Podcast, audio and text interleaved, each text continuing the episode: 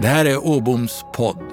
Det här som vi samtalar med gäster om ja, det är ledarskap, kommunikation, drivkrafter, om framtiden och så ska vi nog få en hel del tips och råd. Varmt välkomna till ännu ett nytt intressant avsnitt av Åboms podd. Ja, bästa lyssnare, eh, jag tror ni inte känner igen den här rösten som, utan ni är van vid en annan röst som samtalar om Åboms podd, så ni hör helt rätt. Det är en annan röst. Den tillhör Lennart Kjell, det är jag. Och jag har själv varit gäst här i Åboms podd nummer 30. Men idag så har jag fått den stora äran att leda samtalet och provtänka ihop med dagens gäst. Så framför mig i poddstudion, där vi sitter nu, så har jag dagens gäst. Det är en värderingsstyrd, öppen, nyfiken gäst som testat väldigt mycket i sitt liv. En person ni känner igen. Han, ja gästen är en han. Han är född i Borås. Han är en så kallad sladdis, det vill säga han var yngst i en skara av fyra barn. Som 18-åring så flyttade han till Eskilstuna. Och sedermera så landade han i Stockholm 1992. Växlar vi till yrkeskarriären så är det ja, ungdomsledare på en ungdomsgård under gymnasieåren. Han körde likbil och bar på begravningar tillsammans med sin pappa redan som 15-åring. Han har också sommarjobbat som kyrkvaktmästare i Gustav Adolfs kyrka i Borås. Han har varit butikssäljare av resor. Han har sålt symaskiner. Han blev också egen företagare redan som 19-åring med en egen symaskinsbutik. Han har sålt villor för Nordiska Trähus. Han har varit eh, regionchef på Leine och Linde. Han har varit marknadsansvarig på handelsplatsen Tra Tradanet, tror jag det uttalas. Han har haft olika roller på grossisten Dagab. Senaste, gången så var det, senaste åren så var det som marknadschef. Sen har växlat han över till en del vd-tjänster, bland annat för Vivo, Tempo, Matnära, Handlarn och Jourlivs. Allt det här en del av Axfood. Där blev det inom den koncernen totalt nio år. Sen blev han vd för Hall Niba och även vd för Martin Olsson restauranghandel. Han hoppar in i styrelse Karriären parallellt där och var ledamot i Electrolux Home. Sen växte han över till idrott och var affärschef för Svenska Golfförbundet i tre fyra år. Och nu senast VD för Fonuskoncernen från 2014 till 2021. Han är ledamot i Folksams revisions och complianceutskott sedan 2017 och han sitter också i Folksam Livs styrelse sedan 2017. Och med denna långa, eh, imponerande presentation säger jag varmt välkommen till ingen mindre än personen som ligger bakom hela Åboms podd, Mikael Åbom. Varmt välkommen Mikael. Ja, men tack snälla Lennart och vad intressant och lite nervöst det är att vara gäst idag. Ja, det här kommer att gå bra för dig. Du vet precis hur det känns tror jag för oss som sitter på andra sidan ibland. Men du, idag är det ombytta roller i poddstudion. Eh, och vi har gäst nummer 40 framför oss. Var är tårtan Mikael? Ja, eh, den borde jag kanske naturligtvis haft med mig så jag får ta den på min lista att, att skicka till dig. Men, men eh, du har ju å andra sidan som Dagens Värld och tagit med dig något annat till, till poddstudion. Precis, och jag tycker inte det är du som ska ha tårtan med dig till som gäst. Utan eh, det är så. Jag fick tårta då när jag var gäst nummer 30, kommer jag ihåg. Stämmer. Det var väldigt trevligt och gott. Men jag har tagit med varsin dammsugare. Både till oss och till vår ljudtekniker här i studion. Och jag älskar ju dammsugare, så därför fick jag välja. Och det är en härlig symbolik. Jag noterar att du har varit säljare i många år, mm, stämmer. Och jag vet den här symboliken för mig börjar just med det att vi ska dammsuga marknaden och ta de bästa kunderna, så sa vi. Och det har väl hängt med. Så idag så tar vi dammsugare till kaffet. Ja, fantastiskt. Jag ser fram emot att få smaka på den. Ja. Men nu ska vi inte prata om mig utan om dig Mikael. Vi ska prata om ditt ledarskap och dina erfarenheter från olika roller. Och inte minst hur du är som kommunikatör och inspiratör. Och som eh, de utmaningar som du har sett när du leder både unga och äldre. Eh, och så. Så hörni som lyssnar, varmt välkomna tillsammans med mig då få ett bra samtal och att vi provtänker ihop och ger en massa energi och tips och inte minst skapar inspiration för er som lyssnar. Men först, du har ju en härlig bukett av erfarenheter Mikael hittills och på den här listan jag läste upp. Det är ju mångfald på sätt och vis, det är väldigt många områden. Mm. Var har du trivts bäst om man tittar i, i backspegeln? Ja, det, varje steg i livet eller varje steg i yrkesresan då med de olika rollerna har ju haft sin charm och så vidare. Jag kan naturligtvis se tillbaka på verksamheter där jag känner att jag har tagit några stora avgörande steg. Mina nio år inom Axel Jonsson-koncernen som började med Dagab och som slutade med vd-skapet när vi precis bildade Axfood. Jag var den yngste i koncerndirektionen som hette. det har ju betytt väldigt mycket för mig, eh, naturligtvis, de åren kring det. Var det där du formades, eller? Jag skulle säga att det var där jag formades eh, väldigt mycket i den, eh, under den resan. Jag fick också då 96 gå med i ett mentorskapsprojekt. Jag fick en mentor. Ja, det betydde mycket. Så att, ja, jag formades därifrån och la grunden för att gå vidare. Så att säga. Det är nog säkert många lärdomar där. Vi kommer väl tillbaka till det sen. Mm. Det skulle jag gärna vilja göra och lyssna mer på. Men vi måste ju Mikael, vi måste ju börja prata om hälsan. Och eh, hälsan är ju det viktigaste vi har. Det är ju obvious, men och något vi måste prioritera. Men, men vad hände i helgen Mikael och hur mår du? Eh, jag mår bra eller jag mår okej. Okay. Och vad hände i helgen? Jag förstår vad du tänker på Lennart. Jag, eh, jag, jag sov inte hemma. Jag tog in på 14 våningen, dock inte på ett hotell utan eh, jag tog in på Danderyds sjukhus. Eh, och eh, tack till alla där som från fredag till söndag tog hand om mig 48 timmar. Fantastiskt. Och, äh, men jag skulle söka för en sak som jag haft länge. Jag, jag fick något som heter TVAR för fem och ett halvt år sedan. Och TVAR är ju, går ju också under begreppet heter det, orienteringssjukan. Och mm. En del brukar tänka på Gunde Svan som, som var helt utslagen i ett halvår. Och så vidare. Jag fick den där. Eh, och det där, man får ett muskelminne som är jobbigt efteråt ett, många år. Och nu tänkte jag ivrigt på eh, av min fru att nu ska jag, jag kände att jag behöver nog kolla upp det där lite grann. Eh, så när jag ringde om de där symptomen och sa att jag skulle nog, det inte släpper när jag tränar eller så vidare. Då sa de, du ska åka in akut. Och det gjorde jag och då hittade man en liten liten, ja, på EKG också störning. Och där ligger jag nu under utredning för att se vad, om det är kopplingen till TVAR. de jobbar med utslutningsmetoder. Men jag mår bra och jag vill framförallt vara pigg och glad och träffa dig Lennart. Ja, jo, men det, jag, är så, jag är så imponerad. Jag vet inte om det är dumt eller klokt, men du sitter här lite, du är pausad och ska tillbaks och göra, fortsätta göra utredning om jag får berätta det, eh, vilket jag gjorde nu. Och, men det här tyckte du var så viktigt så det här, det här tar vi en paus ifrån. Men eh, ja. jag vet att du inte får höja din puls. Jag ska väl vara någorlunda snäll när jag ställer frågor. Så ja, att det känns tryggt och bra. Ja, det är bra. Du, nej men, eh, känn stöd Mikael i, i, i din utredning och framförallt att du ska landa bra så du får göra det som du vill göra i livet. Jag vet att du gillar ju idrott och motion och så. Ja. Mm. Tack snälla. Du, eh, men eh, om man skulle säga, växla över till att säga det, eh, om du ska berätta för lyssnarna och även för mig då, vem är Mikael Åbom? Om du ska beskriva dig själv med några ord. Ja, det gör jag gärna. 57 år ung. Du har ju sagt, jag är född i Borås, hade en period i Eskilstuna, landade sen in i Stockholm 92 där jag bor kvar. Eh, som person, ja, jag, eh, jag lever med min, eller min som person. Jag lever tillsammans idag med min fru och mina två härliga barn. Min, alltså min fru är också härlig vill jag säga. Så att där har vi en familj. Vi bor i Täby. Och eh, det har varit en härlig resa eh, under åren och, som jag tar med mig. Och som person då som har gjort den här resan så kan jag nog beskriva mig som jag är en väldigt glad person. Eh, trygg person. Lite humoristisk. Jag är väldigt driven.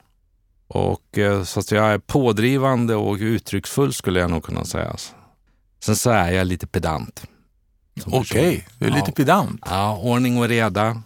Eh, helt klart. Gillar det där lilla extra pricken över i. Jag gillar när eh, maskrosorna är borta från gräsmattan, när bilen är dammsugen och sånt där. Eh, rent hemma i vardagsrummet eller så vidare.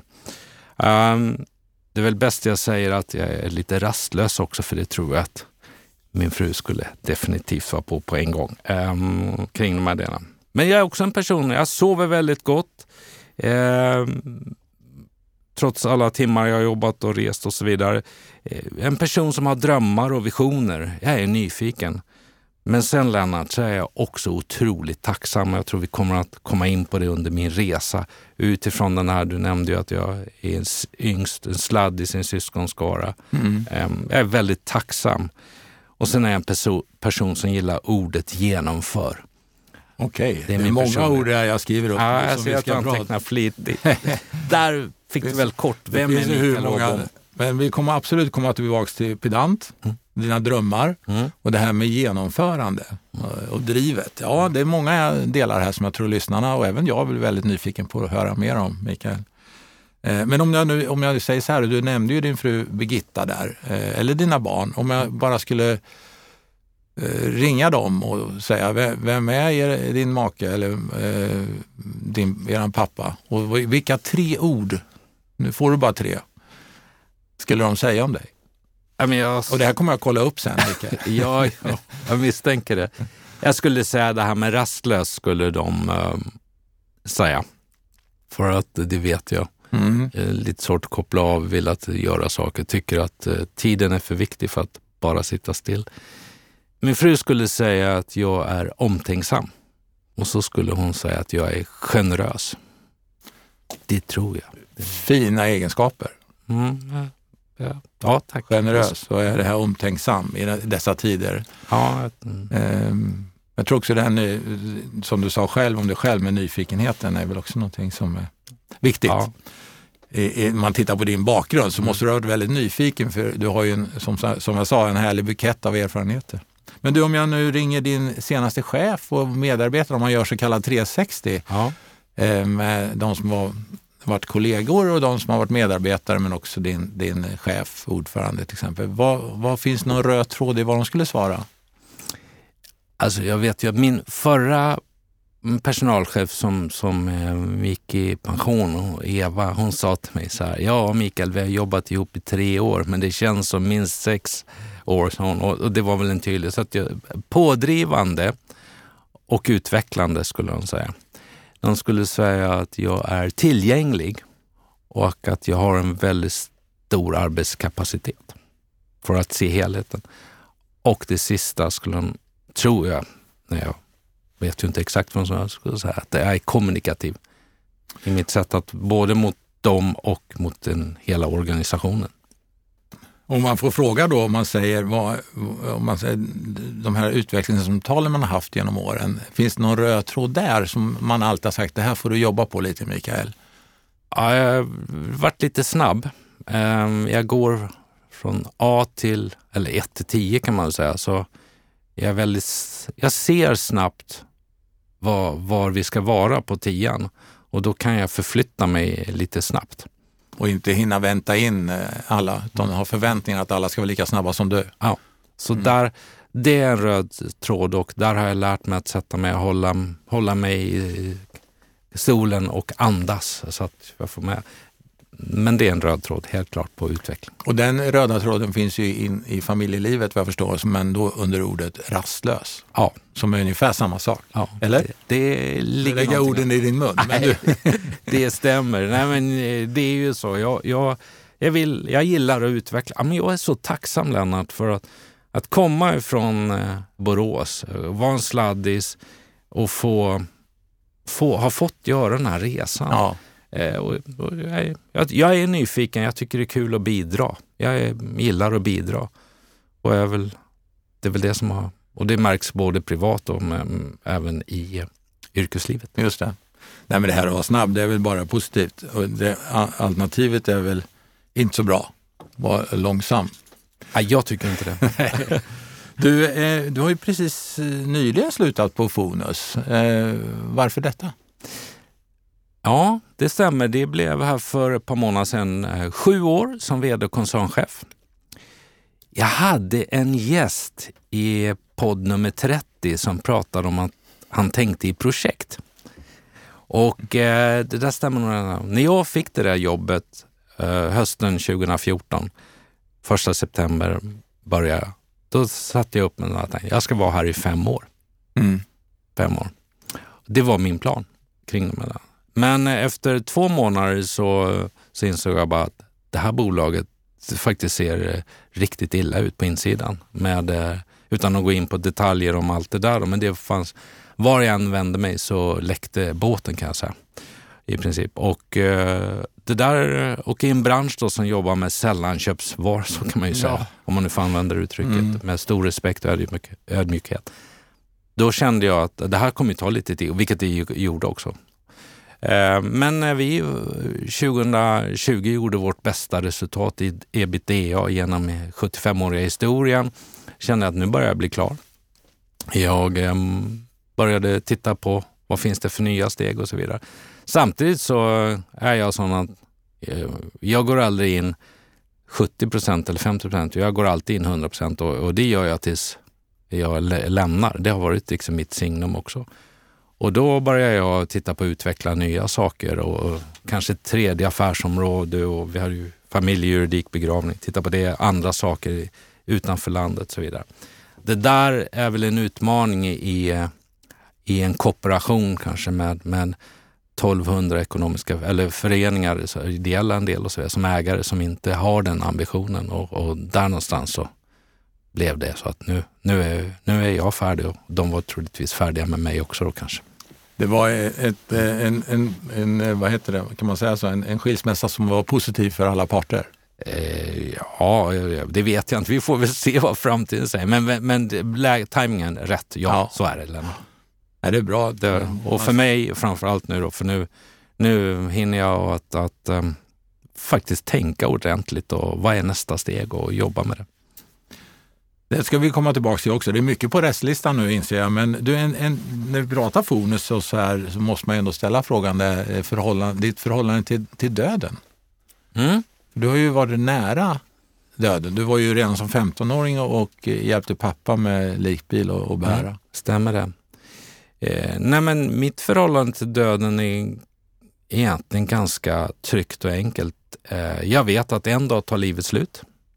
Eh, när jag låg eh, de här 48 timmarna nu så hade jag en 88-årig rumsgranne.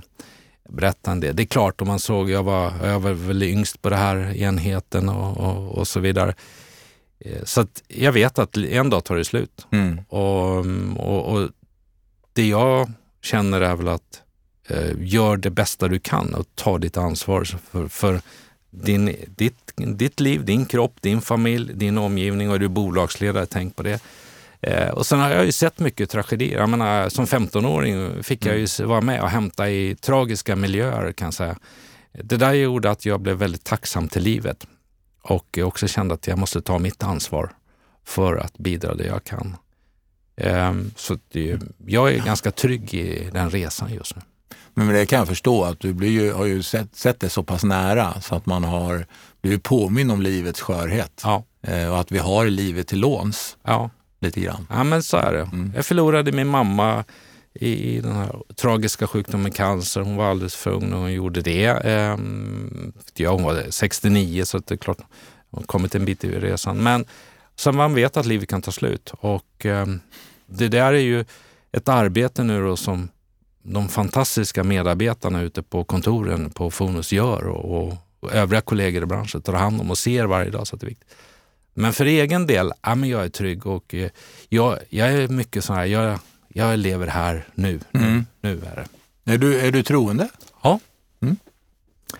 det är jag. Jag har en tro. Eh, uppvuxen i eh, en familj Mm. som, eh, där det fanns eh, absolut kristna värderingar från Mm. början kring det.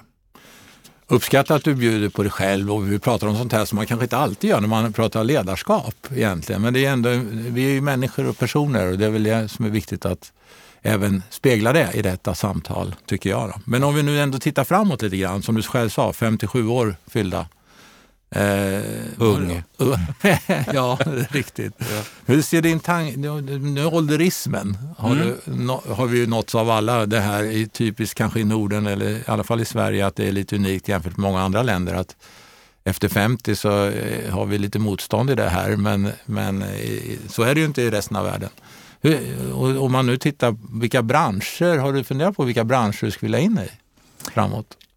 Eh, både ja och nej. Jag har snarare... Har du möjlighet att sälja det själv. Ja, eh, så snälla ring. Mitt nummer är 070... nej, eh, Lennart. Men igen, mer har jag väl egentligen valt bort några mm. branscher där jag säger att eh, och med all respekt för alla er som jobbar med det här, men det finns några branscher som jag säger, där ska jag inte in. För att jag tycker kanske att, jag, om jag nu får ta en bransch, tobak.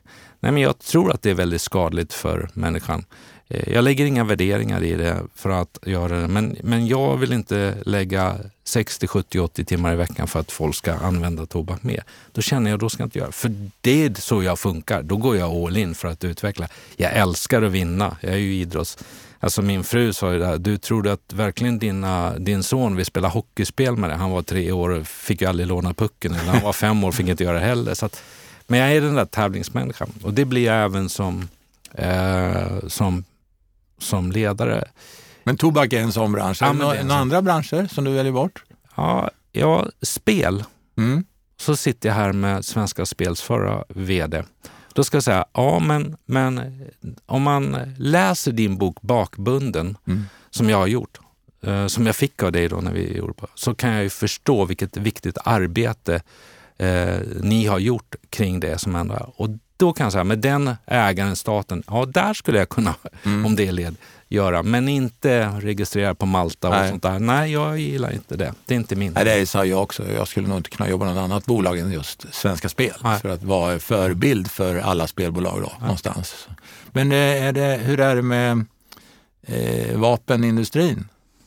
Den har jag inte samma liksom riktigt, beroende på vilken roll mm. man har och vilken typ av, av uh, vi pratar om, vad ska det användas till, försvaret? Mm. Det är klart, jag skulle aldrig kunna vara ute och jobba internationellt där jag vet att det kan förekomma i, i, i att användas. I, i användas. Mm. Så där, jag har en inre moralisk kompass och den tänker jag följa.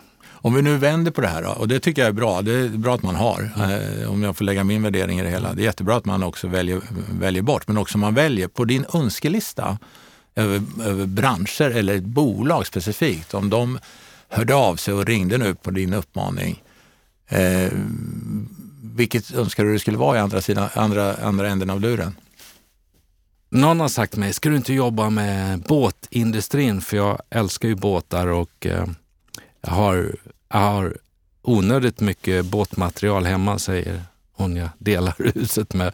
Men jag gillar det. Men då kan jag säga, nej det skulle jag inte vilja, för det är ett intresse och, och på sommaren ska man ju nyttja hav och skärgård och båt och så vidare. Så då, då, då vill du inte vara upptagen? Då vill jag inte vara upptagen med det. ah, okay. Eh, jag skulle säga, för mig är det mer, Lennart, jag vill vara det jag känner kommer in i miljö. Jag skulle gärna kunna jobba i en större familjeägd koncern eller en en statligt, en långsiktighet där det finns och där vi ska göra skillnad. Det är det. Om du, um, ja det är väl min... Det är värderingarna som kommer fram där? Ja, där mm. kommer värderingarna mm. fram. Jag säga. Så jag har inget drömbransch eh, på det sättet, Nej. eller att jag söker något speciellt. Men är det re retail eller industri då? Ja, både och. Jag har ju jobbat i både mm. business to business, business to consumer. Det är, mm. ju, det är, en, det, är en, det är en större utmaning nu ibland, tycker jag, med business to consumer, därför att det här sociala nätverket, det digitala, kunderna skjuter av från höften och så vidare kanske kan vara lite annorlunda när man jobbar med business business. Eh, men eh, jag är öppen för båda kanske. Eh, spännande. Du, en, vi ska in i en massa ämnen snart och djupdyka, men jag brukar fråga människor om man skulle symbolisera, om du symboliserar dig själv med ett djur eller en sak, vad skulle det vara för att ännu mer förstå vem Mikael Åbom är? Ah, ett djur? Oj. Man skulle ju kanske önska att man skulle vara en tiger, vad vet jag. Men, eh, Hur tänker du där då? Nej men jag, jag När du sa samtidigt, tiger, det är reptilsnabbt här. Ja, jag gjorde det. Samtidigt så kan jag ju se mig själv som en stor trygg elefant också som eh, bara nöter på. Liksom. Så att jag, jag har faktiskt aldrig fått den där frågan. Det var väldigt svår och avancerad, kära lyssnare. Det här, det här, ska vi inte klippa bort. Nej, okej. Okay. men en tiger, det är ju, finns ja, men, ju många. Ja, men, eh, det är väl kanske bara för lite positionen i, i näringskedjan, skulle jag nog säga. Härligt. Ja. Du vet, lite ettan så här. Ja, ja det triggas lite av. Ja, Är det något du kamouflerar för oss då, när man är en tiger?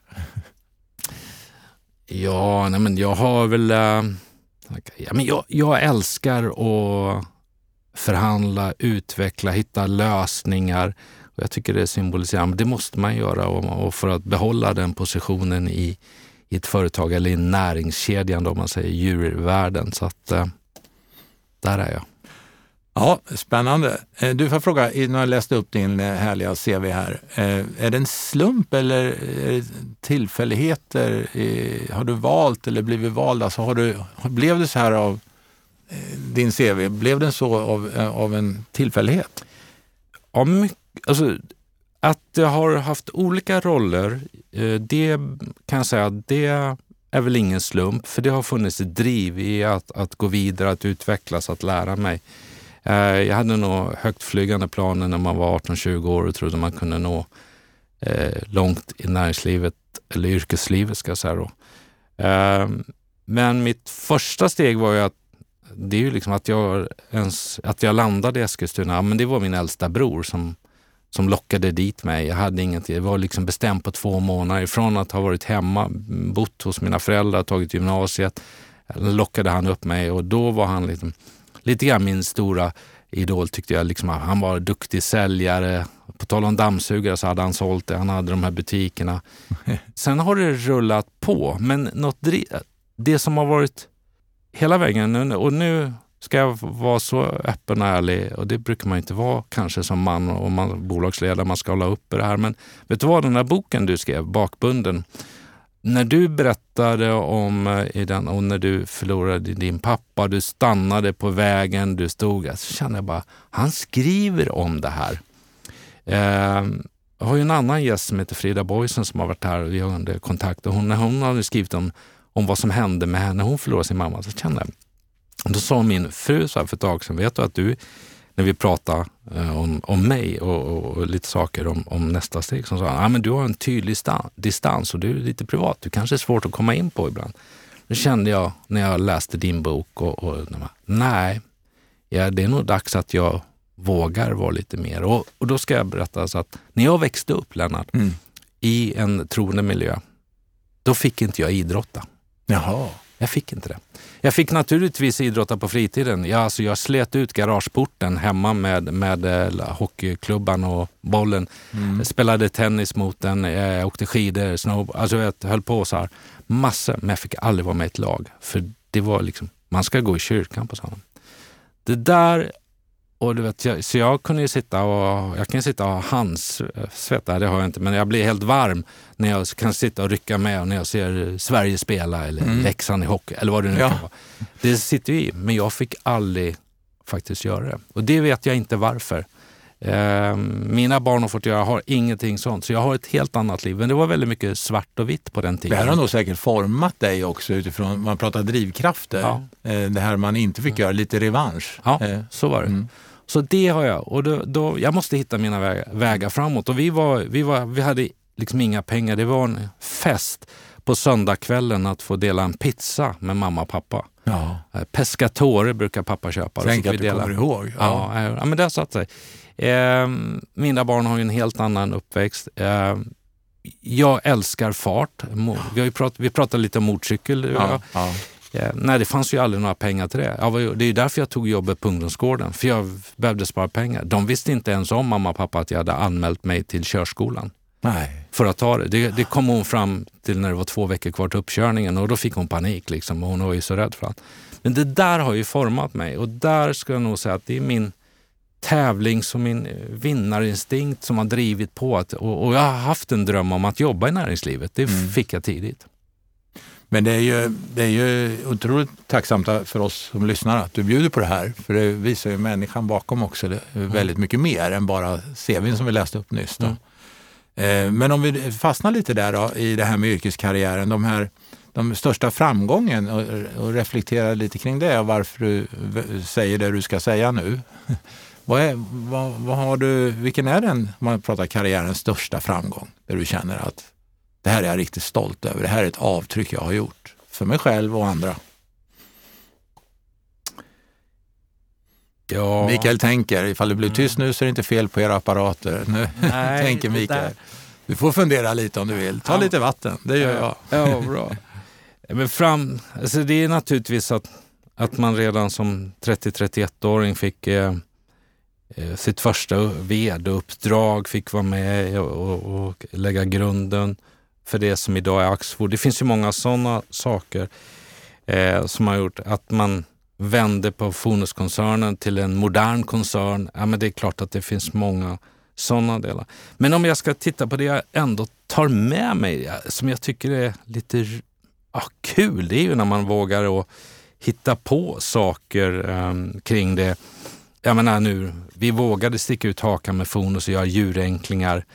Eh, vi, vi, eh, när jag jobbade inom idrotten så var vi först i Europa med att faktiskt se till att när vi lyckades ordna finansiering för en damtävling på Europatouren nere i Helsingborg, ja då fick jag Microsoft och HP att utveckla och lägga in banan och göra en padda. Då är vi nere 2010, 2011, man kunde låna och gå runt och så vidare.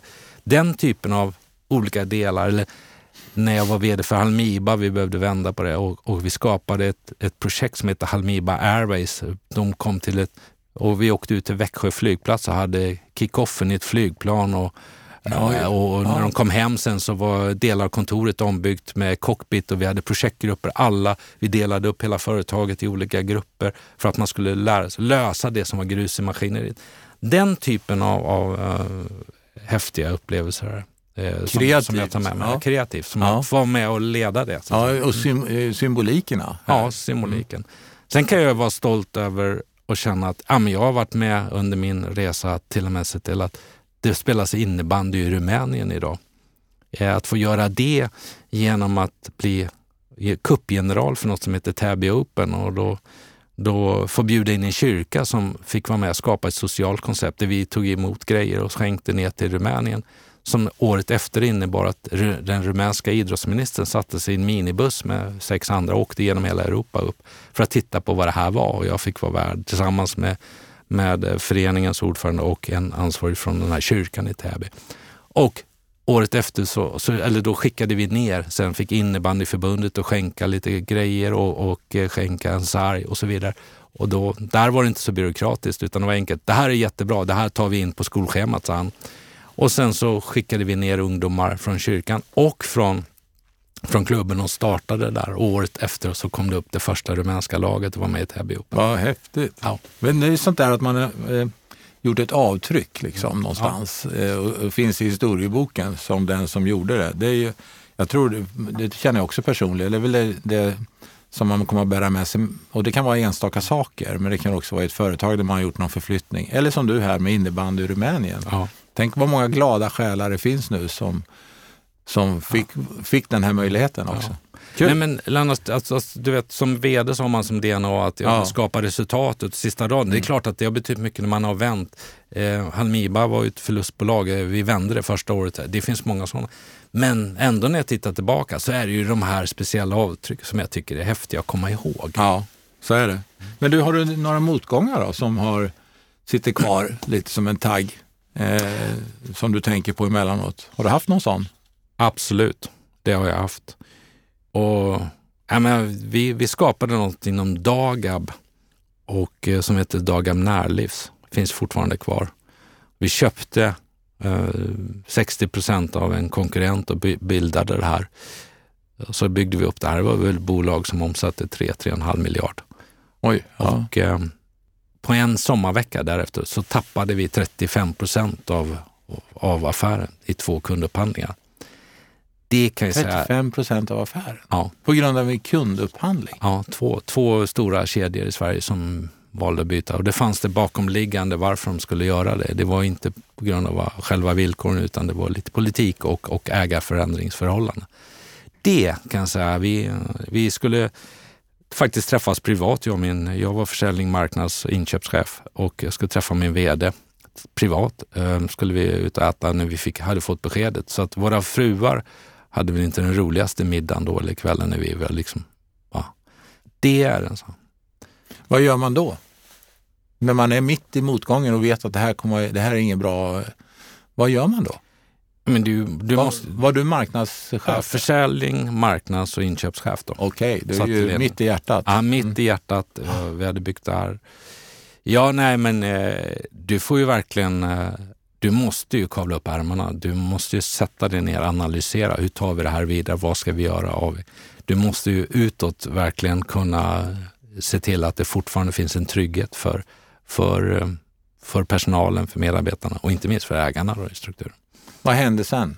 Blev det ett, ett återtåg? Så att säga? Ja, det blev det. Ja. Det blev det, tack för. Men det var ju en tuff resa att, Mm. att ta hand om det här och, och avveckla och sen ta tillbaka det sen naturligtvis ett åter. Mm. Men då kommer väl vinnaren i skallen Mm. in och envisheten, Drivkraften? ja, drivkraften Mm. och då eh, kring det. Sen har jag en sån annan, eh, jag blev erbjuden att flytta till USA inom Axel Jonsson och eh, jag skulle flytta, vi skulle åka i januari, skulle dit och göra ett tvåårsprojekt. Så jag hade lämnat min roll på det här uppdraget just där, där, vi, där jag berättade om nyss och eh, slussat in min ersättare. Och så ställs hela det affärsprojektet in tre dagar före julafton. Oj. Ja. Du vet, man åkte till mamma och pappa som fick såna här blågula paket vi skulle ha med oss. Mm. Du vet, de hade ju knappt hunnit höra att det blev ingenting. Nej, det var, det var en motgång som heter duga. Vi var ju så taggade. När jag äntligen hade fått Ja. vi hade Ja. två små, liksom, att nu ska vi, norr om Boston, nu ska vi vara där minst två år, nu ska vi satsa. Och så ställs allt in. Ja, då kräver det lite grann att komma, kavla upp ärmarna och ta tag i något annat. Så att Så att du fick fortfarande, jag åkte ju kvar, fortfarande in till kontoret. Ja. Jag lyfte på luren, ja. för då var det en sån här bordstelefon. Nej, den funkade. Men det är ingen som ringde. Inga mejl. Åh, nu tyst. plingade det till. Åh, kasta mig på mejlen. Ja, konstföreningen bjöd in till vernissage, du vet man var. Den, den månaden, den var inte kul. Du lyssnar på Åboms podd. Åboms podd är producerad i nära samarbete med tidningen Butikstrender, Sveriges största branschmagasin för dig som jobbar i dagligvaruhandeln och servicehandeln. Styrelseinstitutet, för dig som önskar hjälp med utbildning och rådgivning inom styrelseutveckling och bolagsstyrning. Och Red Means Go, en professionell studio för poddar och ljudböcker med personligt engagemang. I alla sådana här så stärks man ju någonstans Mm. i de här motgångarna. Eh, Det är ju det som formar en och vet att det, det finns nästa, man kan hoppa på nästa sten Ja, någonstans. Men det gäller att hitta energin. ja. Mm. men det är väl det som har varit ja, alltså trygghet då. Mm. Eh, min pappa var inte världens största pedagog, Lennart. Han var, man ställde frågan, men varför är det så? Därför kunde man få vara tillbaka. Han var men han var trygg. Och, så var det. och någonstans har jag väl tagit med mig det. Och sen har jag lärt mig under resan. Sen har jag förmånen då att ha en väldigt ja, trygg relation med min, min andra och bästa hälft. Då. Och så Ja. har vi liksom gjort den här resan. Och, och det är därför som jag fortfarande är trygg och tycker att livet är så spännande. Och Ja, utmaningarna är till för att, att lösas. Men alla har motgångar och framgångar som ska kombineras och lär, man lär sig någonting under resan. Och, eh, då, då är det viktigt att kunna reflektera efteråt. Är du, är du bra på att reflektera? jag kan bli bättre. Det kan jag. Jag är lite för snabb även där att, att eh, snabbt liksom ta nästa steg. Eh, inte kanske ge mig riktigt tid att, att eh, tänka. Vilket jag just nu då har möjlighet att göra när jag inte jobbar de här extremt långa arbetsveckorna utan har mina planeringar kring, kring poddar med styrelsearbetet i Folksam och, och sedan då planering för framtiden. Men, men eh, går powerwalkar fem, sex dagar i veckan. Ja, inte just nu då när det här sista har hänt, men annars gör jag det och då hinner jag reflektera och tänka. Men hur, hur gör du när du reflekterar? Har du, om du berättar. Vad är skriver du, ritar du?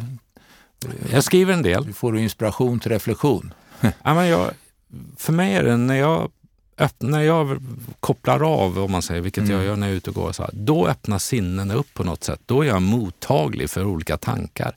De tar jag med mig och de kan jag ju sen skriva ner när jag kommer in. Vid fysisk ansträngning eller när man rör på sig så Ja. frigörs ju väldigt mycket Ja. en, eh, låsningar och energier. Så det gör jag Mm. just nu. Ja, jag vet själv, jag brukar till och med ha ett ämne jag tänker på om jag sticker ut och springer eller åker skidor som jag ska lösa under, Ah. under när jag är ute. Och det är en väldigt bra tips. Det kan vi, eh, Ja. just om man har någonting, någon motgång eller framgång. Det kan vara positivt negativt. Reflektion behöver inte alltid vara negativt. Det Nej. kan också vara positiva saker.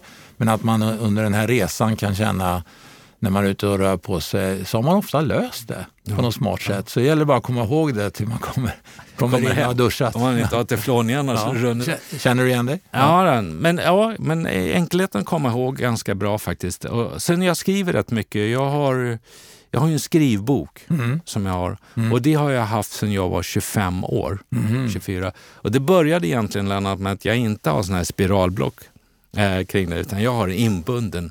Och alla de finns samlat kvar. Ja, vad Jag har- häftigt. Så jag har sedan 25 år alla mötesböcker och allt vad jag gjort. Och där skriver jag en hel del, det har blivit. Det blir din reflektionsbok det där. Ja, men det blir det. Och på samma sätt som jag har, här ser du Lennart, eh, från avsnitt nummer 30, Jaha. gäst, eh, Mikaels körschema med Lennart eh, Kjell. Eh, här ligger den. Ja, men då har jag kvar alla dem, det blir det. Sen tror jag, jag tror... Är du hård mot dig själv när du reflekterar? Ja, Eller är, du en, en, en, är du en snäll person som klappar dig själv på axeln Mm. och säger det här gjorde du bra eller det här kunde du gjort bättre? Eller är du ett hård mot dig själv? ja, det är jag. Jag tror många är det. Man Mm. är liksom aldrig riktigt nöjd. Nej, Nej jag, det, min, min försäljningschef Erland på Martin Olsson, han sa det. Blir du aldrig nöjd Mikael? sa han. jo då, men en väldigt kort stund. Så Ja. Då sa han, ja jag har märkt det, sa han. Eh, och, så vidare. Och vi gjorde all time high tre år i rad. Det var ju fantastiskt. Men vad jag säger det här med reflektion, Lennart. Ett tips till, till oss alla. Mm. För vi ska alltid lyssna på något. Eller vi, ja, nu är det ju en podd så det är klart ni ska lyssna på Åboms podd. Men, men ibland, som när jag går min powerwalk runt Rönningesjön. Jag lyssnar inte alltid på något. Alltså jag tar inte med mig det. För att du behöver inte alltid ha någonting i öronen att lyssna på. Var inte rädd för att låta dina tankar åka runt i huvudet och det, det kommer något gott ut. Vi behöver inte alltid lyssna på alla andra. Nej. Det Väldigt- gör jag så att jag mixar det. Ja, du är klok Mikael, det är precis så tycker jag också. Man är ute och vandrar i fjällen eller Ja. powerwalkar någonstans, att man hör fågel, fåglar eller syrsor eller vad det är för något ljud. Men också låter sina egna tankar bli nästan så att det gör ont i huvudet Ja. när man tänker. Det är så häftigt Mm. och det är så nyttigt. Du, det här med podd måste vi beröra. Det är ju nummer 40 idag, som vi har sagt flera gånger. Eh, Men du som företagsledare har gjort det här då parallellt med jobbet. Hur kom du på den här idén? Det, var, det finns ju galet många poddar och behövdes det en till? Och berätta lite hur du tänkte. Om det behövs en till eller inte, det låter jag eh, våra lyssnare och Bra svar Mikael. Eh, men idén, och jag ska inte ta åt mig äran, utan det var faktiskt eh, Peter som då hade rollen som marknadschef på, på Fonuskoncernen och våran varumärkesbyrå Johan där. De hade hört mig och placerat mig som gäst i en podd och så tyckte de att Mikael, du ska göra en egen. Vad kul. Och då Ja. sa jag nej, nej, nej. Ja, men du brinner för ledarskap, du är kommunikativ, du har inga problem med att synas på det sättet eller höras. Nej, det ska jag inte göra. Så jag tror det gick ett år. Men den där tanken låg och malde. Men du vet, du var inne i allting. Det var styrelsemöten, det var det, du bara körde på. Det var förhandlingar, det var omstruktureringar, det var investeringar, vi byggde om eh, liksom bolaget. Men så landade den där så tänkte jag att okej, jag testar och gör fem gäster och ser. Vad kan jag som en glad poddamatör göra? Och jag brinner ju för att, att kunna...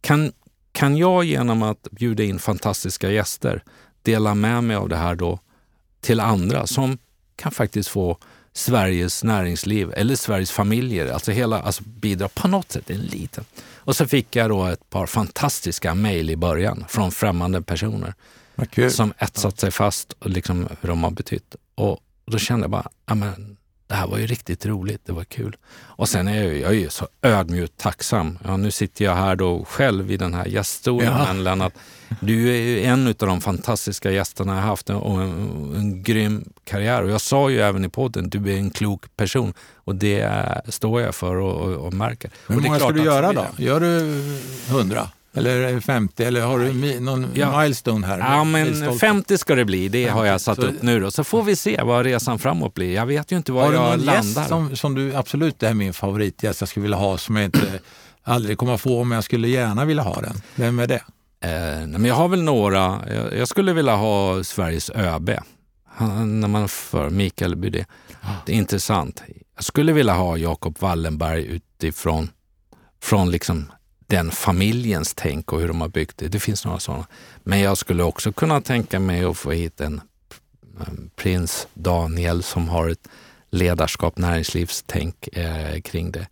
Alltså, jag vill inte ta bort några, för det finns, sen finns det så många, jag skulle vilja ha några yngre som, som är på väg i resan, som har påbörjat det här, som är starka, intressanta namn. Absolut. Så jag har faktiskt, nu nämnde jag bara några som man kanske då känner igen, de flesta av oss gör det, och då, men jag har faktiskt en liten lista nedskriven. Om man sitter och lyssnar nu och känner, gud jag skulle vilja vara gäst hos eh, Mikael Åboms podd, kan man eh, skicka in en sån där? Man kan mejla. Man kan höra av sig. Ja, jag ja. finns ju på LinkedIn. Ja, titta på LinkedIn så, så hittar så ni absolut, den. Så känner ni att jag har något att säga så, kan så vi, hör av er. Ska vi, ja, och så hoppas jag både Öbe och någon i familjen Wallenberg eller våran prins Daniel eller någon yngre lyssnare ja. som har en härlig historia. Eller äldre kanske? Ja, Tala om ålderism. nej, nej, det gör vi absolut inte. För det har jag ju, får jag akta mig för. Ja. Och det har jag märkt nu. Nej, men, Hör av till vi, vi, har, vi har ju pratat om ett par personer i ditt nätverk och så vidare ja. som jag också gärna skulle ha med. Så att, ja. Du, eh, spännande att lyssna eh, du har ju så mycket med. Eh, det är hur mycket som helst att prata om när det gäller dig. Vi pratar drivkrafter. Om du nu, när du vaknar på morgonen, vad är det som driver dig varje dag 24-7 att prestera någonting utifrån ett uppdrag som du har? Nu tänker jag mer som företagsledare, men du får mm. svara som du vill, självklart. Nej, men jag är, jag är nyfiken och sen har du det här med att få producera jag tycker det är häftigt att producera. Mm. Eh, livet är alldeles för kort eh, för att man bara ska sitta i soffan, om jag nu använder det uttrycket. Så jag, jag gillar att, att kunna producera och det driver. Sen har jag väl en sån här att göra det ingen annan gjort. Alltså du vet, eh, den, den, den, optimala innovationen. Att våga göra eller komma på det ingen annan har gjort. Och då menar inte jag att utveckla kanske någon ny app och så vidare, men i mitt sätt att bygga bolaget, ledarskap, våga prova. Så det, det, finns en nyfikenhet där. Så jag tänker väldigt mycket i ett pussel, Lennart, mm. som person. Spännande. Jag, har en jag lägger upp pussel och så ser jag vad vill jag åstadkomma och så tänker jag bilder. Hur ska jag få det här pusslet att bli en hel pussel? Det är den ena delen. När jag väl har den bilden kvar så tänker jag i kugghjul. Okej. Okay. Om, om det här är bilden vad jag vill ja, skapa ja. så kommer det här att bestå av 15 kugghjul, säger vi. Om jag tar bort ett eller två av dem, då kommer ju inte det här maskineriet att funka. Nej. Hur och vilken storlek på kugghjulen, hur ska de hänga och var ska de sitta? Så tänker jag lite grann för att skapa liksom, i där. Och därifrån så lägger jag en, en, en, en actionplan, en tidplan och en kommunikativ plan liksom, att jobba med mm. det. Mm. Så, det driver mig. Att, men det har ju, sen har du ju drivkraft, drivkrafter ifrån din eh, uppväxt som jag förstår också mm. som eh, driver på dig. Ja. Att, eh, en nyfikenhet på mycket som du kanske inte fick möjlighet att göra när du var ung.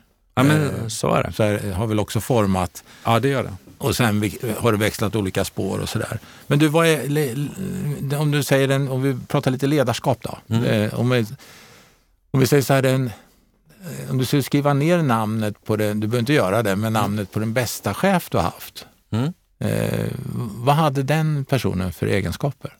Den hade en egenskap, eller har en egenskap då, att, att vara väldigt närvarande och se mig och på det viset också ge mig motivation.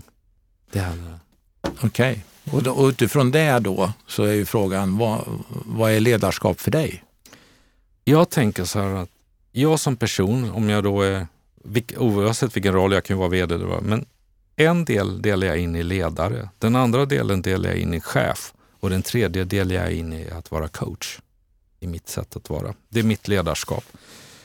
Och mycket i mitt ledarskap bygger på att jag, jag har en stor portion av engagemang. Eh, jag gillar att ta ansvar. Tänk vad enkelt det var, sa någon, så här, om du inte behövde göra det, kunde gå hem och koppla. Ja, men det är inte roligt, det är inte utvecklande. Jag gillar att ta ansvar. Eh, och ju större desto bättre. Och sen i mitt ledarskap så gillar jag människor. Och det skulle jag vilja skicka med till lyssnarna, att ge alla människor en chans. Du vet ju någonstans kommer in, vi måste göra oss av med han eller hon. Varför då? Tänk om den personen har haft en, en, en ledare som inte har sett den styrkan. Kan vi inte, alltså någonstans här, alla människor ska ha en chans. Det ligger i mitt eh, ledarskap. Sen har jag lärt mig att vara närvarande och I mitt ledarskap så är, handlar det också om att visa respekt och hantera svåra frågor med en stor respekt och ödmjukhet kring de här delarna. Jag sa till en, en eh, ordförande en gång, jag sa, du måste förstå att när vi kommer på måndag morgon så har vi ingen aning vad som har hänt i familjerna, i våra hundratals anställda eh, på helgen. Du har inget lån, du har varit ute och gjort dina intressen, du har väldigt mycket pengar på banken, behöver inte fundera på det. Så är det inte överallt. Eh, och det handlar om när vi hanterar svåra frågor så gör det med respekt och ödmjukhet eh, kring det. Och sen skulle jag vilja säga Lennart, tillgänglighet. Jag känner ju att som ledare så ska man vara till för sina medarbetare. Om jag ska inte vara en propp i flödet, att jag inte är tillgänglig så att maskineriet, kugghjulen inte snurrar, utan jag har lagt väldigt stor vikt att vara tillgänglig för mitt närmsta team, för att de ska kunna göra sitt. Och förhoppningsvis har de haft samma tänk neråt, för då får vi ett bättre flöde i verksamheten. Det är en del av mitt ledarskap.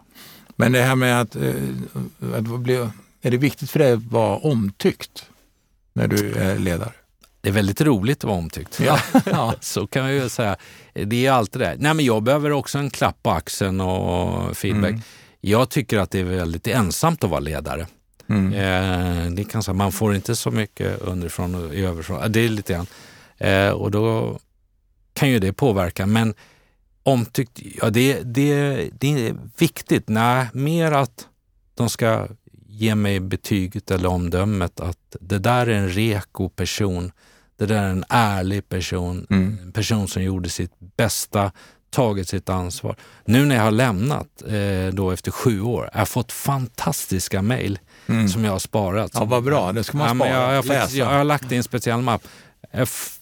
Faktiskt då eh, fått en, nästan tår i ögat, eller jag har fått tår i ögat, för det är man bara oj.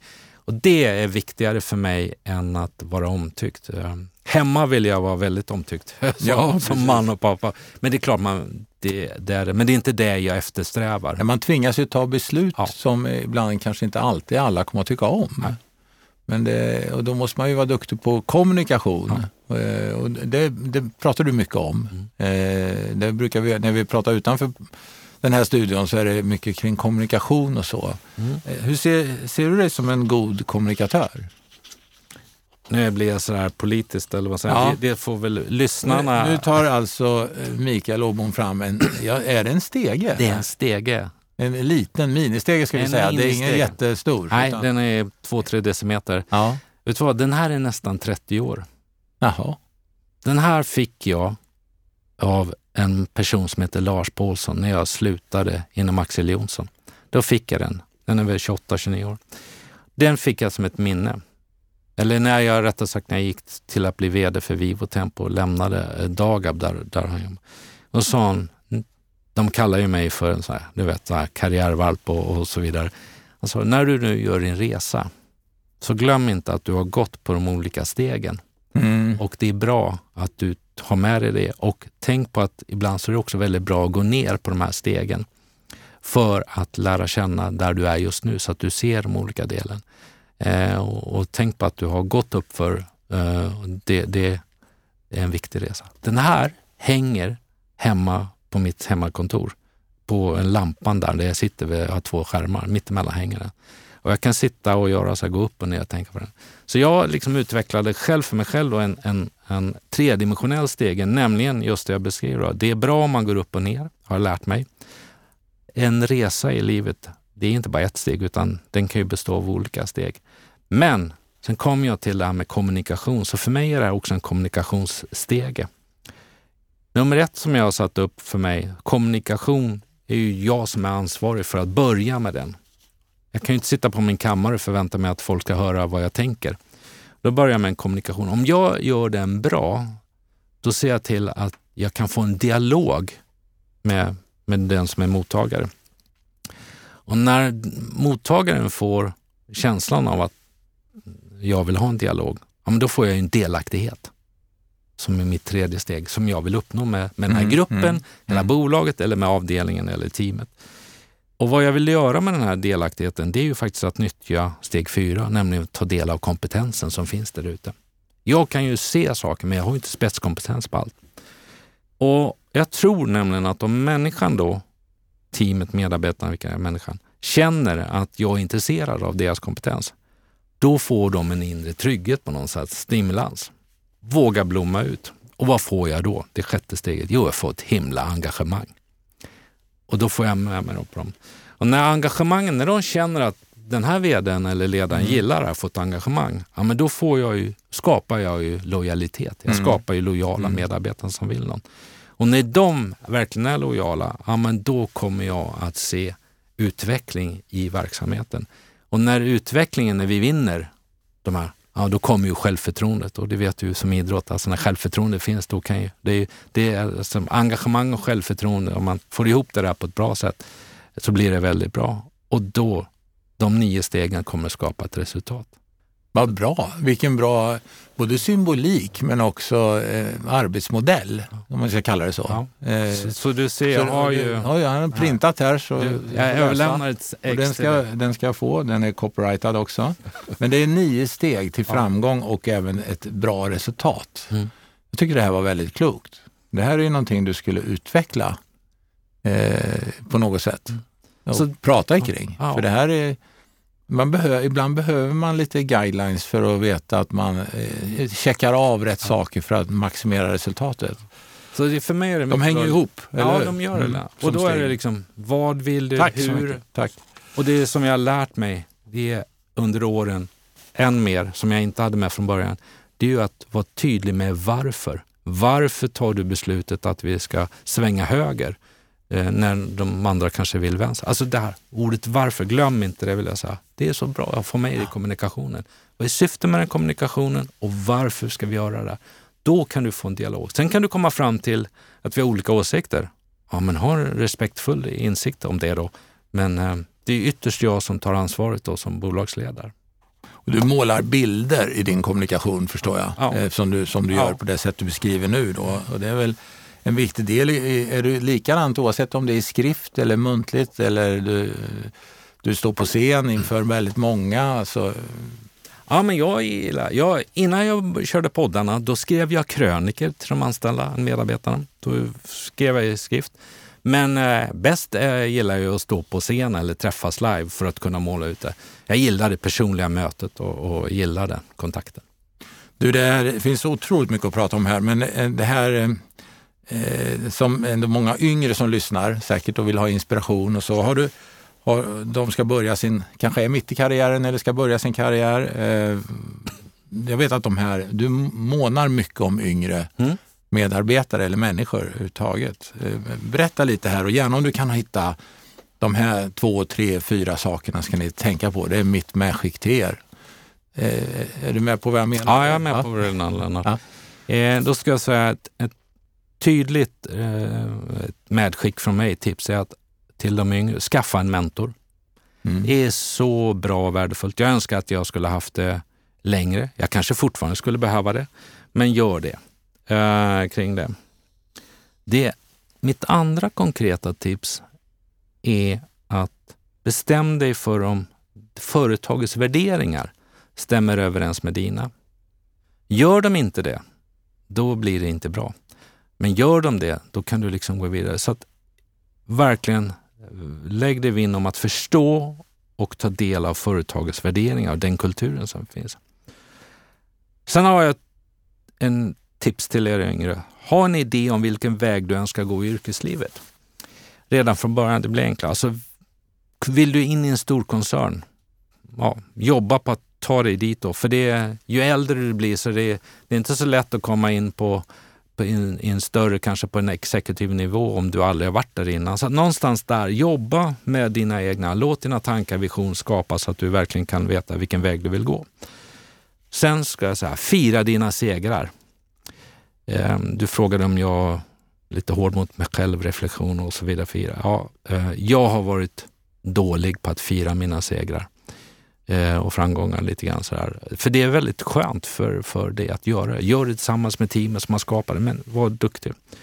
Och det jag var inne på tidigare, ge alla människor en chans du möter. Du har ingen aning om vad som har hänt på morgonen, på helgen.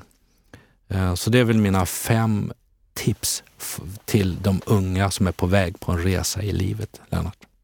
Ska vi ta de fem igen så det blir tydligt i eh, nyckelorden? Skaffa en mentor. Mm. Bestäm dig för om företagets värderingar stämmer med dina. Mm. Ha en egen idé då om vilken väg du önskar gå i yrkeslivet ganska tidigt. Mm. Fira dina segrar, alltså mm. dina framgångar och mm. gör det gärna ihop med laget. Och det femte, ge alla människor en chans som du möter.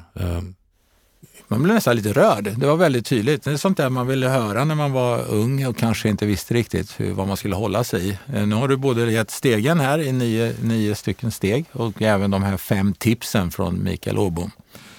Eh, Åboms podd som vi lyssnar på just nu. Eh, det finns många ämnen i, i detta samtal. Det är ju, vi, vi lever ju i en tid just nu där vi spelar in det här så är det mycket prat om hållbarhet och miljö.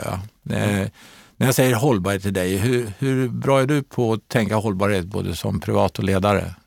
Ja, men jag, jag kan bli bättre, jag vill ödmjukt säga det. Jag kan göra än mer, men eh, jag har verkligen vaknat upp under ett antal år. Eh, vi har haft mycket prat privat, inte minst då med ungdomarna som är liksom steget före i de delarna. Vad kan vi göra? Vad kan vi bidra med? Eh, vi har valt att inte vara dumsnåla utan faktiskt försöka privat att göra saker. Eh, det finns mer att göra. Men som företag, om jag går in på den, så det är lite grann, Lennart, som om du tänker dig Volvo som är aktuellt i dessa dagar, börsintroduktion. Jag menar, de får inte vara på banan och sälja bilar om de inte har airbag. Du ska inte vara på banan och verksam om du inte jobbar med hållbarhet som en viktig punkt på din agenda som bolagsledare. Nej, där är jag. Så där är jag och skulle vilja säga... Och det hänger väl ihop med att du inte kan tänka dig att jobba i vilken, eh, vilket företag som helst? Nej. Eller hur? Nej. Så jag, jag vill bidra till att mina barn och barnbarn mm. och dina och så vidare, alltså att vi tar ansvaret för att vi, vi behöver ju göra Det är så mycket mer en miljöfråga också. Ja, det är. Mm. Och, och det vill jag säga, hållbarhet för mig då, som mm. du säger, mer än med det. Jag förstår inte varför vi 2021 inte har löst så, så det här med alltså, varför det är diskussionen som att en kvinna på samma post som en man har inte samma villkor. Finns inte. För mig så sitter det i ryggraden att tänka så. Det är viktigt att eh, det går från ord till handling i de här frågorna och att vi är bra eh, förebilder för de unga mm. eh, och, som vi ska lämna över till så småningom. Men det, det, det, finns ju många barriärer, många saker som man måste ta i som kanske gör ont att göra. Och jag mm. tror det både gäller själva miljöfrågor, klimatfrågor men också de här mångfalds och jämställdhetsfrågorna ja. som du är inne på. Så det får var och en tänka till och reflektera. Vad kan just du göra som är lyssnare nu för att vi får en bättre värld att lämna över till så småningom? Du, eh, eh, ja, vi, vi hinner prata om väldigt mycket här. Eh, det här med värderingar var vi inne på också. Det hänger väl också ihop med det här med, med hållbarhet tycker jag. Då. Ehm, eh något, har du något motto sådär som du har haft med dig hela livet? Man, det finns ju många, en del kallar det för klyschor, en del för motton, men eh, summa summarum så är det ett, en enkel mening som säger väldigt mycket. Har du något sånt som du har? Det här är inte förberett, så det här, nu snurrar hjärnan hos Mikael. Så att... ja, men vet du vad Lennart, det är så härligt äh, att du utmanar mig på det.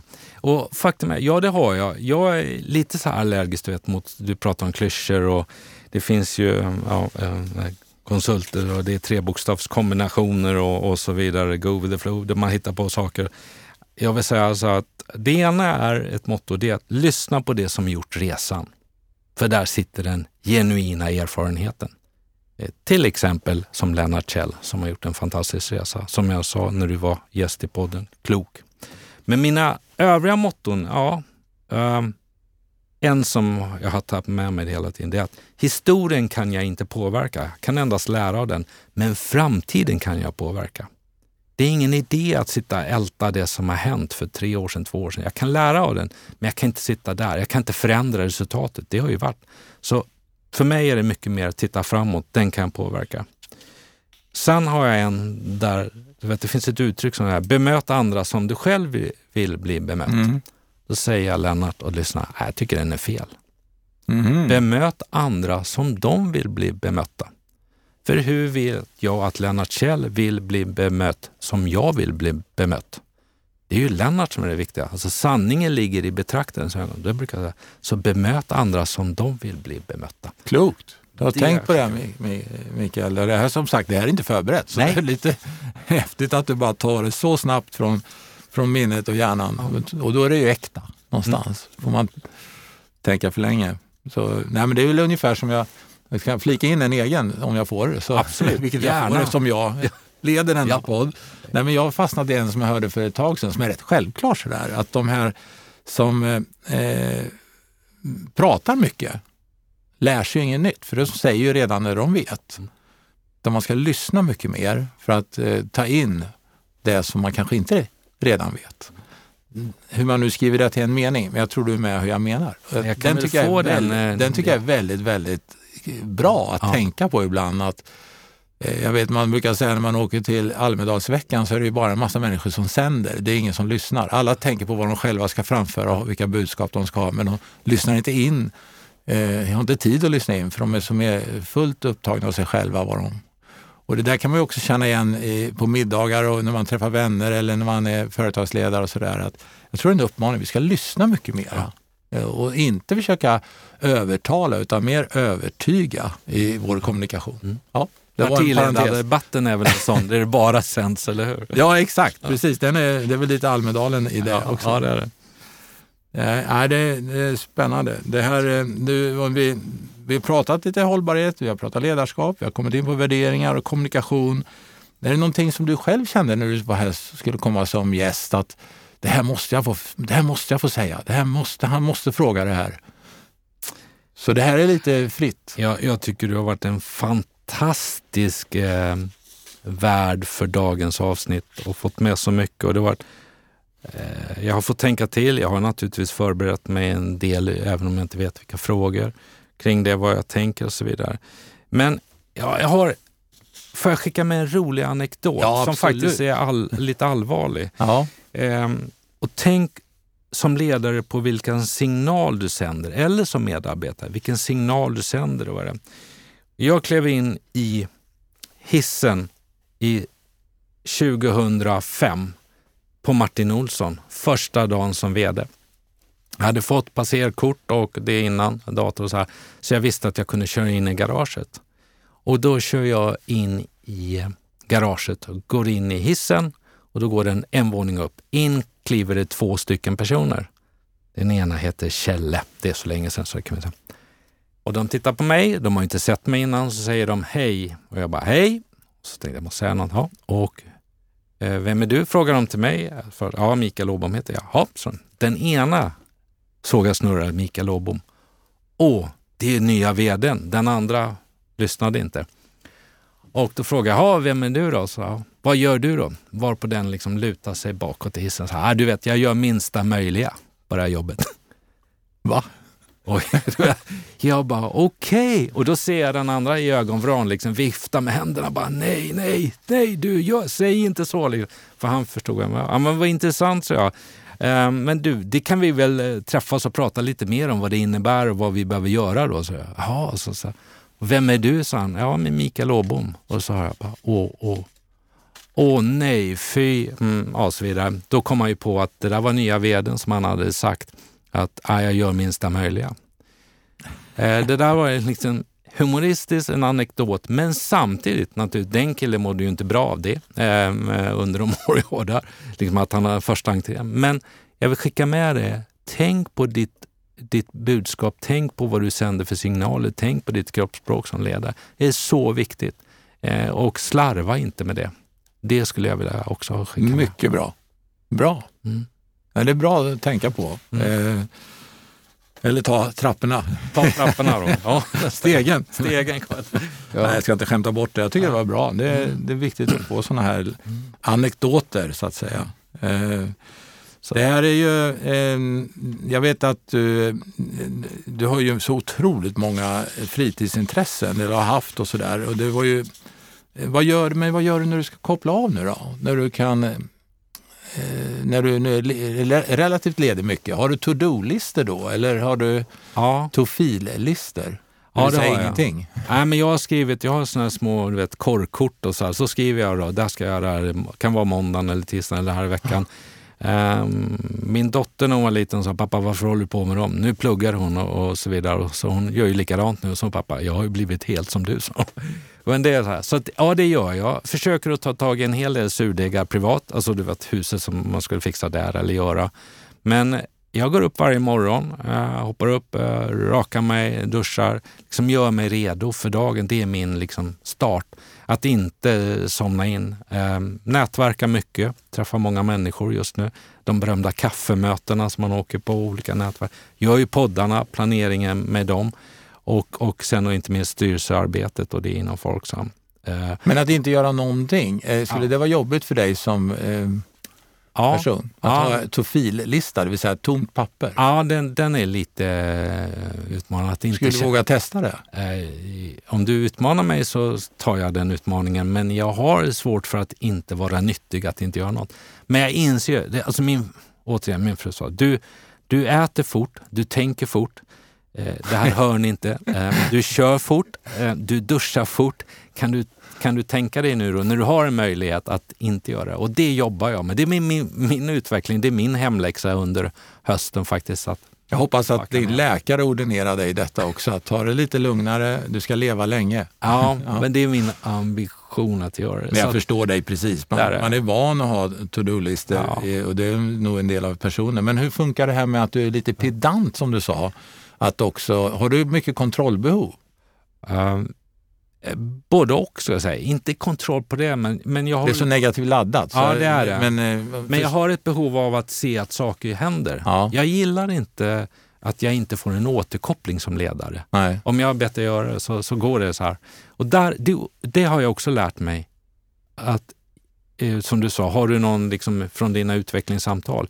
Ja, det är att vara tydlig på min förväntan. Mm. Vad är förväntan? Och förväntan är att, att du Lennart ska återkomma till mig om 14 dagar, då vill jag höra det här. Det har liksom, jag kan ju liksom skicka ut något och så har ju de trott att de kanske har en månad på sig. Så hör jag med och då blir ju människor kanske stressade. Vdn är på på en gång.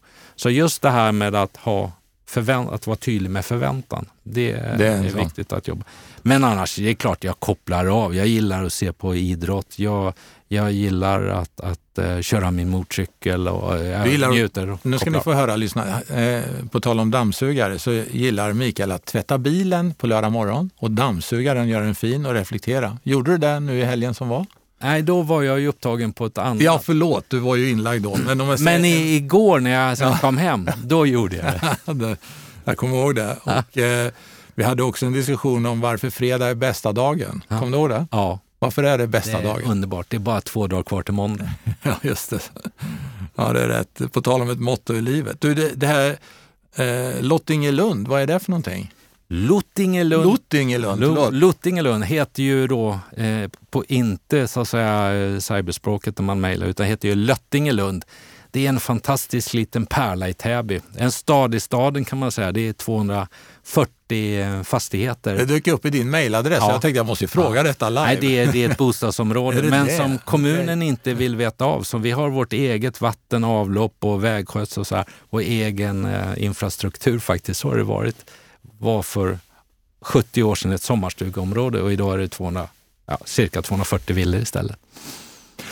Mm. Härligt. Du, eh, ja, du kör motorcykel och eh, blir du en annan person när du sätter på skinnställ och hjälm?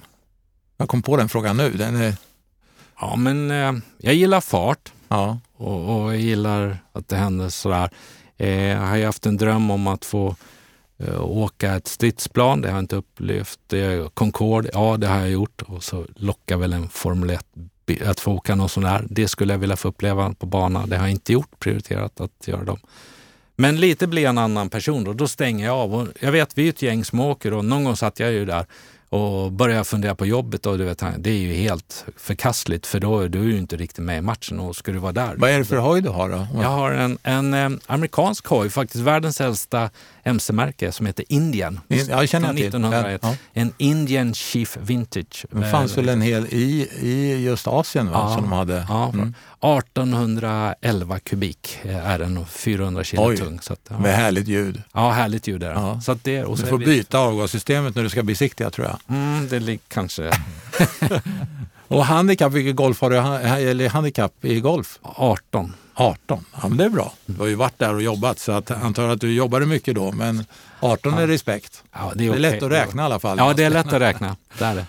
Hörrni, det, det börjar har du haft trevligt samtal? Fantastiskt. Och vad fort det går. Ja. Normalt sett sitter jag ju och, och Ja. kollar klockan. Ja. Jag ser Lennart och tittar. Alltså, Ja, det- nej, det är trevligt. Du har ju skapat en härlig atmosfär och jag hoppas... Ja, det börjar bli dags för en avslutning sådär. Och eh, jag tycker du, eh, du har varit jättegivmild och delat med dig mycket. Och eh, både satt lite mer färg och, och form på den CV som vi lä- läste upp i början.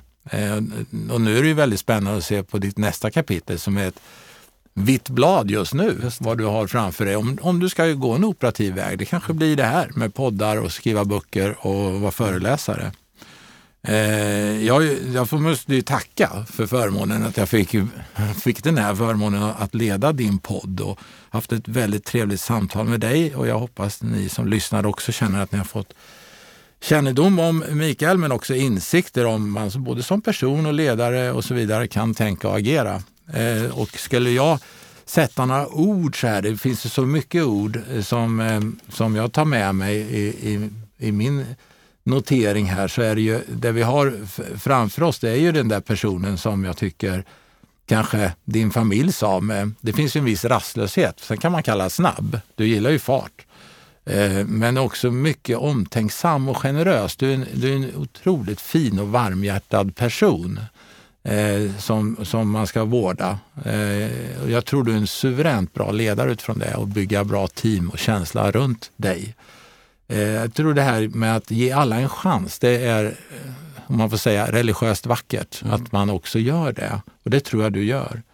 Att du är så närvarande, att du har respekt för andra oavsett var man är i din stege, om jag använder symboliken. Och att du också de här, du är inte rädd att hantera de stora, kanske svåra frågorna. För någon måste göra det och det, det gör du som ledare, Mikael. Den här närvaron och tillgängligheten är ju A och O. Och det är ju dess utmaning när man är ledare att finnas där man som mest behövs. Och den, det måste man ju själv ta kloka beslut på vilket sätt man kan vara tillgänglig. Det behöver inte alltid vara fysiskt. Det kan ju vara genom att du skriver som du gör, krönikor och så till, till medarbetare. Eh, Den här sy- symboliken med stegen tror jag många fick med sig och det, det kanske du ska skriva om någonstans eh, och utveckla. Att det här eh, mottot som du har, några stycken, att eh, bemöta andra som de, som de vill bli bemötta. Du gjorde om det till en åbommare där och det var ju bra. Men också det här kring att lyssna på de som har gjort en resa. Eh, för det hänger också ihop med det där med att, eh, eh, att hela tiden fortsätta att utvecklas som, som ledare. Eh, men annars är det ju en, en, en eh, tiger som du symboliserar dig själv med. Och det handlar ju mycket om det här att eh, i, i, i näringslivskedjan, om man kallar det så, att ändå vara en överlevare. Eh, men du gillar förhandling, du gillar, har nog tuffa nyper när du så behöver. Du är väldigt tydlig i vad det är du inte vill göra. Sen får man skrapa lite på ytan i vad du skulle vilja vara och jobba med. Eh, Men absolut inte blanda in dina privatintressen och din passion i ett yrkesliv. Det, det här med båt och MC, det kommer man inte se dig jobba med. Men säg inte det, det är kanske någon som hör det här som känner den här killen ska vi ha. Eh, det finns eh, eh, drivkrafterna formades, har nog format dig en hel del under resan sedan du var barn. Det här att du inte fick idrotta, ser man ju nu. Du har ju väldigt mycket sug efter det och pratar mycket om det och även det här med sånt som kanske var förbjudet med både MC och golf och, och etablerat innebandy i Rumänien. Eh, sen spelar faktiskt du Otello och det är inte pjäsen Shakespeare men du, utan du spelar spelet Otello. Och du kanske har någon framgång där, vem vet. Men det var lite nytt för mig när jag fick en, en när vi pratade om det du och jag. Eh, jag var tvungen nästan att kolla upp vad det var för spel men det får ni göra ni som lyssnar på det här också. Jag behöver några att spela med för min familj vill inte spela med mig längre. Vi kanske ska ta en match du och jag då? Det tar, absolut. Hörru Mikael, jag har försökt sammanfatta det här så gott det går. eh, Men eh, hoppas jag har fått med det som... Du gillar ju Leksand också måste jag säga. Och just när podden spelas in så leder Leksand SHL så jag förstår att du är extra glad idag. Men du, är fantastiskt kul och stimulerande och en förmån att få leda podden som sagt. Ditt num, din podd nummer 40 med dig som grundare, som gäst. Mikael Åbom, stort tack. Eh, öppet, inspirerande och givande. Och jag önskar verkligen dig lycka till framåt. Och jag hoppas att du är riktigt, riktigt kräsen i ditt nästa val. För det är väldigt viktigt när man är 57 år. Hörru du, musik Mm. eh, ska, ska vi ju eh, klämma dig på också. Vad, vad har du valt för musik eller låt att dela med lyssnarna och varför har du valt den här? Mm. Berätta. Innan måste jag bara få säga supertack bästa Lennart för att du har tagit dig tid att komma hit, förberett och att jag har fått träffa dig återigen i poddstudion och för ditt engagemang. Det värmer otroligt så att jag önskar dig allt gott och det bästa. Och, ja, jag är ödmjukt stort tacksam för, för det här. Det, det, känns, det var både pirrigt och nervöst men väldigt givande kan jag säga. Tack. Låt, ja, eller musik. Ja, men det är svårt. Jag är lite alllyssnare. Jag satte mig och så funderade jag på, ja, man, just nu är det ropet med ABBA och de har The Winner Takes It All. Det är lite idrott och det är lite så här, ah. Så tänkte jag på vad jag lyssnade på mycket förr. Queen, We Are The Champions. Då kommer det in igen. Det eh, men när jag var ung så lyssnade jag väldigt mycket på Earth, Wind Fire och de har ju så här Boogie Wonderland och jag faktiskt tittade på den på Youtube igår. Och så här. Sen har jag ju då haft en gäst här, en god vän då, Robert eh, Wells. Och hans fru sjunger en duett ihop med Michael Bolton, How I'm supposed to live without you. Fantastiskt! Har ni inte lyssnat på den, gå in och gör den. Men jag tänkte vad det här handlar om. Och då blev det faktiskt eh, en låt från tv-programmet Så mycket bättre. Där eh, de hade ett Ted Gärdestad-tema, fantastisk låtskatt, där Danny Saucedo sjunger för kärlekens skull. Och kärlek kan man då säga omsorg. Och så är den, den är lite gospelinspirerad och då får den ju kopplingen kanske till min uppväxt. Men mycket där de sjunger upp, nämligen att solen går upp. Och det vill jag säga till dig och mig som ledare. Det är vår yttersta uppgift att till våra medarbetare, till våra ägare, se till att känslan för verksamheten, att solen går upp även imorgon. Och det är liksom våran roll som ledare att skapa det förtroendet. Så att jag väljer den låten, för kärlekens skull. Tack Mikael. Nu ska vi lyssna på låten och avnjuta en dammsugare. Åh, vad gott det ska bli. Ha en riktigt bra dag. Tack!